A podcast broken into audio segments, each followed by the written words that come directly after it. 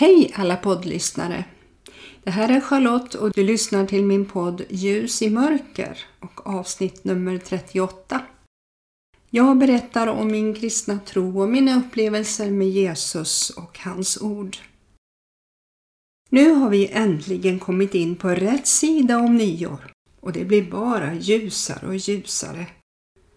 Jag tittade efter hur mycket det har gjorts sedan nyår och det är faktiskt stor skillnad på bara en månad. Den 1 januari så gick solen upp 08.43 och gick ner 14.58. Och igår den 3 andra så gick solen upp 7.53 och gick ner 16.09. Det är ju en total skillnad på ganska precis två timmar. Det är härligt. Åh, jag längtar så efter våren. Vi har ju inte haft så mycket snö heller på ett par veckor. Och det tackar vi särskilt för eftersom vi har en så stor garageuppfart.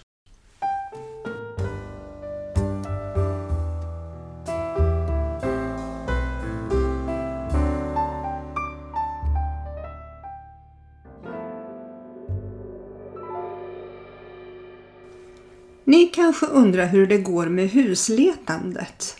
Jo, det börjar att röra på sig på den fronten. Vi ser att det kommer ut lite fler hus att välja på nu när det går in i februari och helgerna är över. Ett hus har de snart ute som vi har anmält oss som intresserade på. Fast vi vet ju inte än hur det ser ut eftersom inga bilder finns tillgängliga än. Men läget och storleken verkar i alla fall bra. Så vi hoppas verkligen att det faller oss i smaken. Det är ju i utkanten utav Jo så det skulle passa perfekt. Vi har ju vårt hus ute på Fastighetsbyråns hemsida och bor i. Och faktiskt så är det 12 stycken intressenter som har anmält sig. Det verkar mycket lovande. Cirka 3500 har besökt Fastighetsbyråns hemsida. Och det är många. Ändå har annonsen ännu inte kommit ut på Hemnet. Då kommer det säkert att sätta fart ordentligt.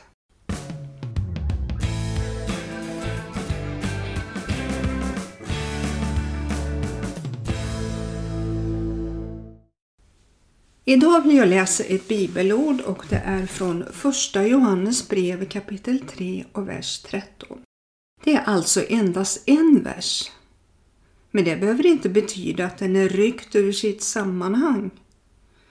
Ibland hör man talas om så kallade tumverser som betyder att man slår upp sin bibel på måfå och läser och tar till sig precis de orden blicken omedelbart hamnar på. En del har blivit välsignade att göra så. Men för min egen del är det något jag försöker att undvika. Vet ni vad jag gör? Jo, istället ber jag Helige Ande, led mig i vad jag ska läsa för bibelord nu. Jag och min man har en andakt varje förmiddag efter att vi ätit frukost. Då läser vi dels något från breven i Nya testamentet, dels något som Jesus undervisar om i evangelierna och sen brukar vi avsluta med en psalm ifrån Saltaren. För det mesta så blir det en sammanhängande undervisning som vi får av det. Bibelställena flyter samman med varandra och blir en slags helhet. Den heliga Ande vill leda oss både i vår bibelläsning och även i vår bön.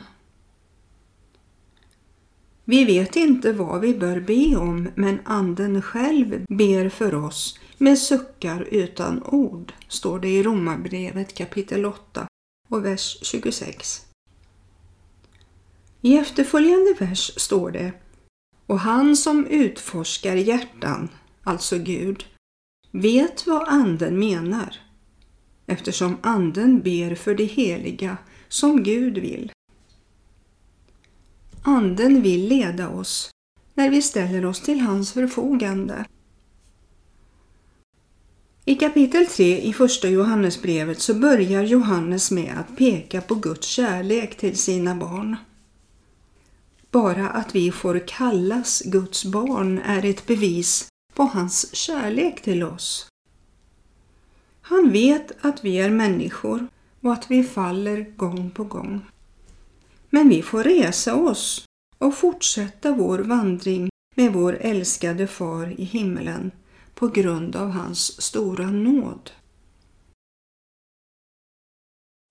I psalm 103 i Bibeln står det uttryckligen Som en far förbarmar sig över barnen så förbarmar sig Herren över dem som fruktar honom. Ty han vet hur vi är skapade. Han tänker på att vi är stoft. En människas dagar är som gräset. Hon blomstrar som markens blommor. Vinden drar fram över dem och de är borta. Deras plats känner de inte längre.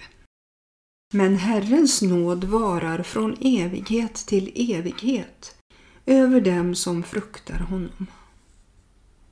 Och hans rättfärdighet intill barnbarn när man håller hans förbund och tänker på hans befallningar och följer dem. När vår far ser att vi vill gå på den väg som han har stakat ut för våra liv så låter han sin nåd vara över oss. Det viktiga är att vi reser oss på en gång när vi inser att vi gjort något som inte behagar honom och ber om förlåtelse och vänder om från den väg vi gått in på. När vi fortsätter på den väg som leder till fördärvet utan att bry oss om att söka Guds nåd så blir det svårare för varje dag som går. Något inom oss vill inte följa Guds vilja. Vi vill bestämma själva och gå den enkla och breda vägen. Vi kanske blir alltför bekväma i våra göranden och tyckanden och detta gör att vi kommer allt längre och längre bort från Gud. Då tror vi att Gud har lämnat oss. Men det är istället vi som har lämnat hans famn. Han står där med sin öppna famn för att ta emot oss igen. Han bara längtar efter att vi ska se oss om för att upptäcka hans kärleksfamn.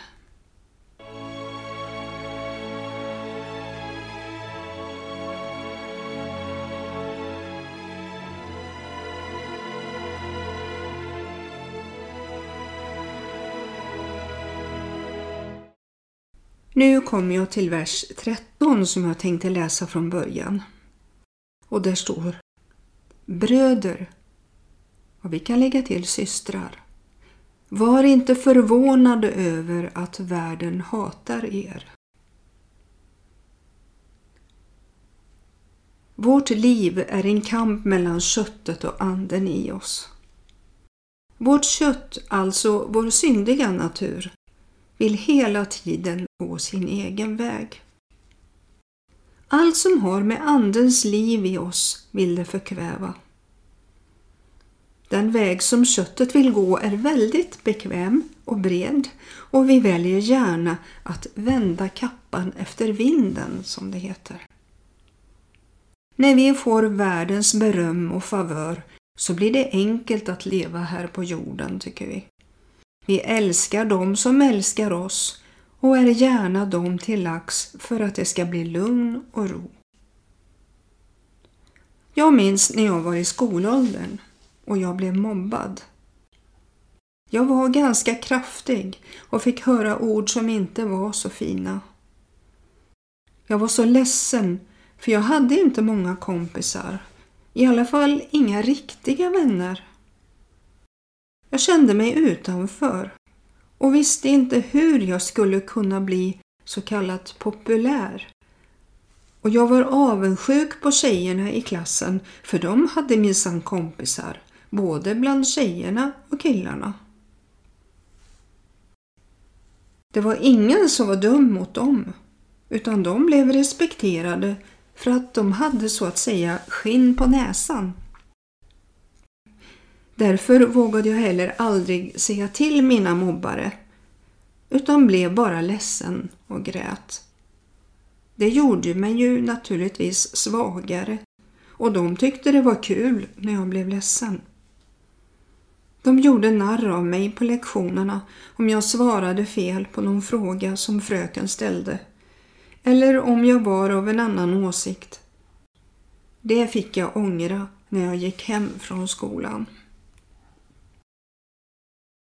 Jag tror att även om man inte är eller har blivit mobbad så är man i alla fall rädd för att bli det.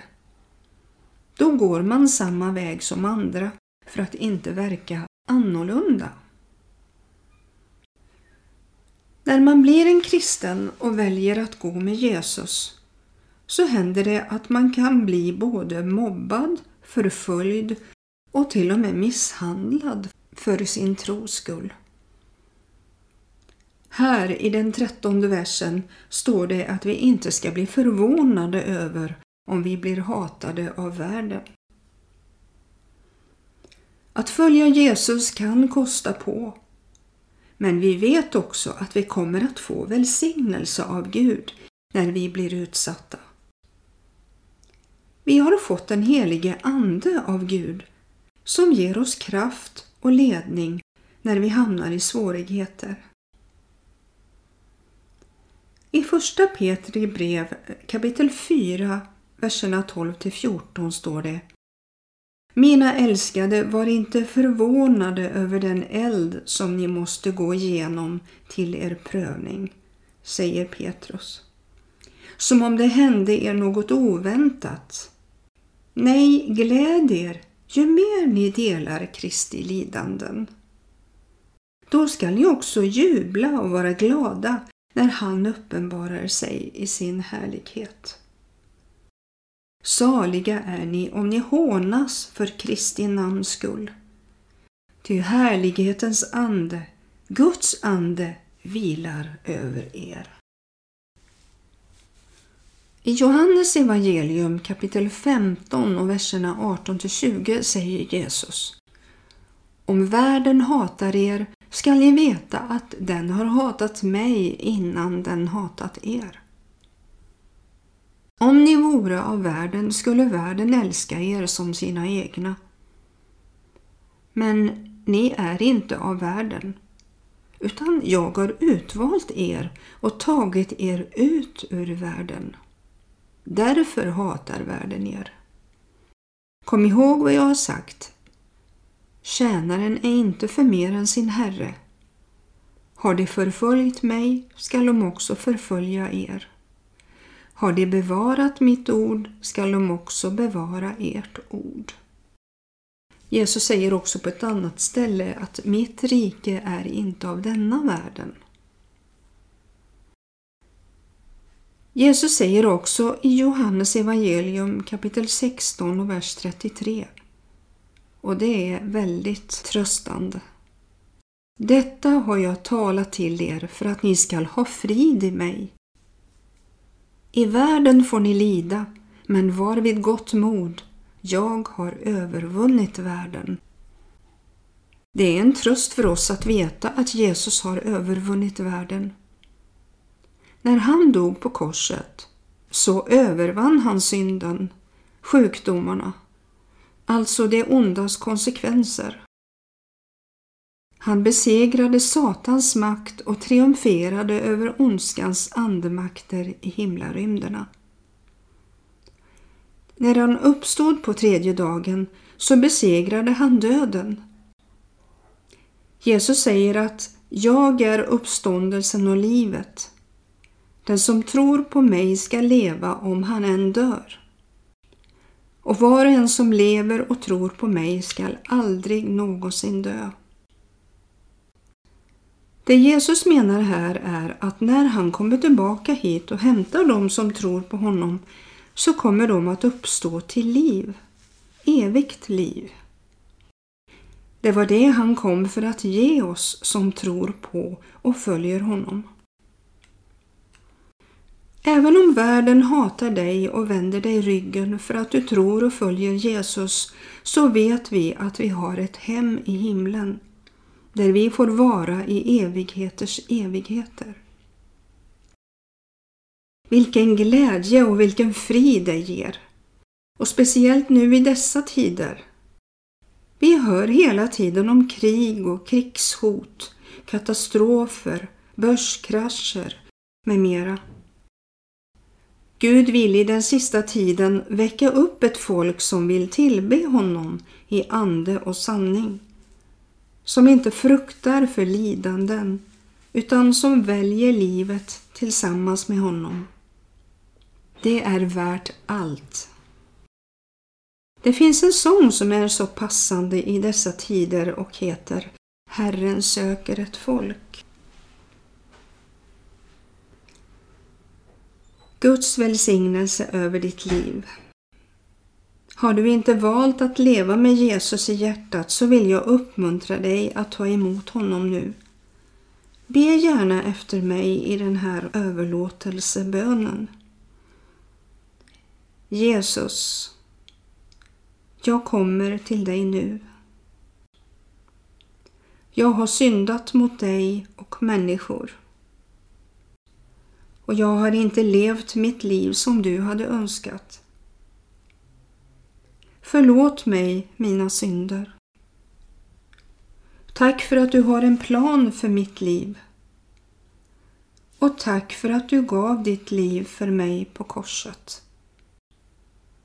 Jag vill öppna mitt hjärta för dig och ta emot dig som Herre och Frälsare.